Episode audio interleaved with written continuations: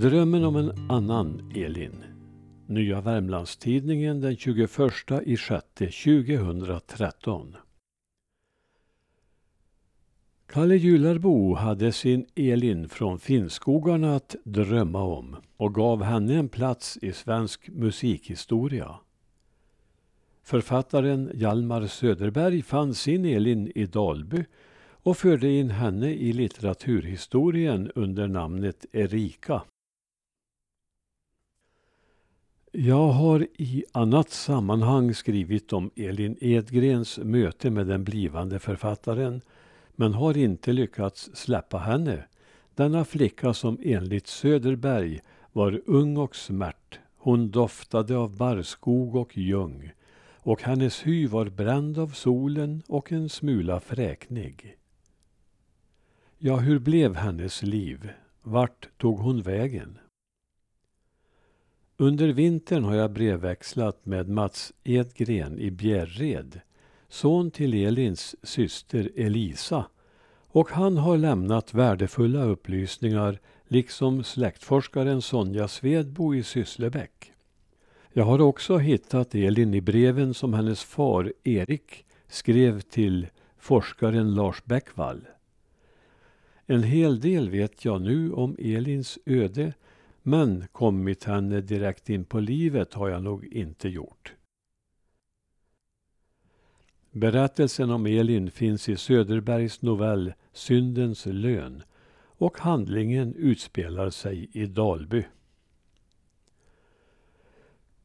Året var 1893 och Hjalmar Söderberg kom med ångbåt till Långav för att besöka sin moster Emma Dahlberg som var husföreståndarinna hos apotekaren Konrad Wiberg.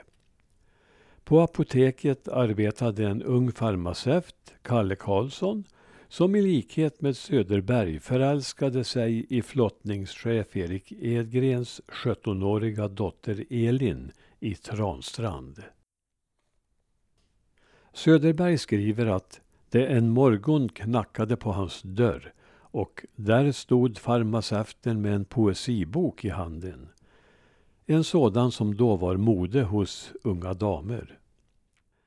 Den hade Elin lämnat och bett honom skriva ett poem och dessutom skulle han be Söderberg göra detsamma. Eftersom han själv inte kunde åstadkomma något sådant bad han Söderberg om hjälp. Detta blev en brydsam situation för den blivande författaren men så for den lede i honom och han skrev ner ett uselt pekoral som han själv författat. Farmaceuten var nöjd och tacksam men för att överglänsa honom skrev Söderberg själv en elegant översättning som han hade gjort av Heines Du bist wie eine Blume. På den tiden umgicks bygdens så kallade ståndspersoner och anordnade ibland danser och lekar för sina ungdomar. Samma dag som poemen skrevs råkade alla tre ungdomarna träffas på en sådan tillställning på Olagården i Likenäs. Flickan kastade förstulna blickar på unge Söderberg men tittade mer på Karlsson. Och farmaceuten liknade denna afton en tupp, läser vi i Syndens lön. Så smög flickan fram till Söderberg och frågade om farmaceuten verkligen hade skrivit dikten själv. Och han intygade lögnaktigt att så var fallet. Han insåg snart att det var en svår synd han hade begått. För det visade sig att Elin föredrog den usla dikten och efter en stund var hon och farmaceuten försvunna. Elisa, Elins då 13-åriga syster, har själv berättat att hon följde Söderberg ut för att leta efter de försvunna. Och efter en stunds promenad upptäckte de det unga paret invid en björkstam där de stod och kysstes. Här brast Söderbergs hjärta och han skriver Men då han hade kysst henne tre gånger gick jag bort och grät bitterligen. Elisas make Nils Jönsson har i en artikel berättat att farmaceuten senare bad Elins mor att få brevväxla med dottern. Det skulle han få under förutsättning att modern fick läsa breven. Detta passade tydligen inte farmaceuten. Han tog en annan hustru. 1936 avled han, sjuk och döv. Om Hjalmar Söderberg vet vi att han hann med två äktenskap. Elisa flyttade till Önnestad i Skåne där hon alltså gifte sig med läraren Nils Jönsson. Men låt oss följa Elin, flickan som doftade av barrskog och ljung. Hon föddes i Transtrand i Dalby den 3 december 1876 som dotter till Erik Edgren och hans hustru i andra giftet, Laura Frykman. Om ungdomsåren är inte mycket känt, mer än det som beskrivits här ovan och att hon gick sju klasser i Karlstads elementarskola för flickor.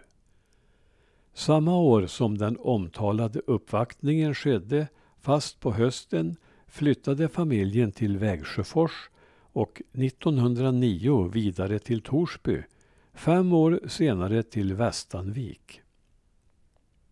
Emma Dahlberg återvände till Stockholm efter apotekare Wibergs död och hade där god kontakt med sin författande släkting. 1898 berättade han för mostern att hans berättelse om Elin kommit med i den nyss utgivna Historietter. Emma lät Elin få veta detta, men bara med det resultatet att Elin köpte en bok som senare återfanns i hennes efterlämnade boksamling. Trots den intensiva uppvaktningen i ungdomen skulle hon förbli ogift. Hon bodde länge kvar hos fadern och modern i Fryksdalen. Som hemmadotter skötte hon huset samtidigt som hon tog hand om sin nervklena mor. Hennes far skriver i ett brev 1913 att Elin har varit hemma och skött sin mor tillika med att hon förestått huset.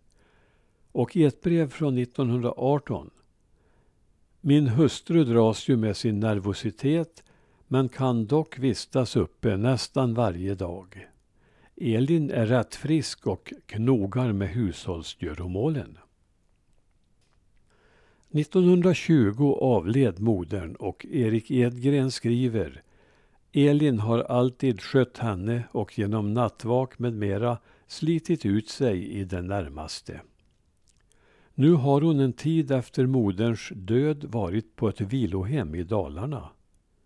Elin var då över 43 år. Två år senare flyttade hon till sin syster Elisa i Önnestad, Skåne och där blev hon kvar till 1930 då hon återvände till Torsby. 1940 bosatte hon sig i Kristianstad där hon fick anställning som sällskapsdam hos majorskan Holmer. Systersonen Mats gick den tiden på läroverket i Kristianstad och var ofta hos Elin på besök. Hon hade inget eget rum i majorskans bostad utan sov i en bäddbar soffa. Över soffan hängde ett stort antal av majorens sablar och Mats tänkte ofta, tänk om de faller ner en natt. Sablarna föll inte ner. Elin levde till 1950 då hon dog en naturlig död den 11 december 74 år gammal. Hon begravdes i familjegraven på Fryksände kyrkogård. Hennes liv blev stillsamt och tillbakadraget. Systersonen upplevde att hon ofta såg beklämd ut, kanske besviken över att inte ha fått blomma ut liksom systern som utbildade sig till hushållslärare, blev en skicklig amatörpianist och bildade familj. Kanske tänkte Elin på hur annorlunda livet kunnat te sig om hon istället för att slita med rent pigarbete hade blivit apotekarhustru eller rent av fru Söderberg.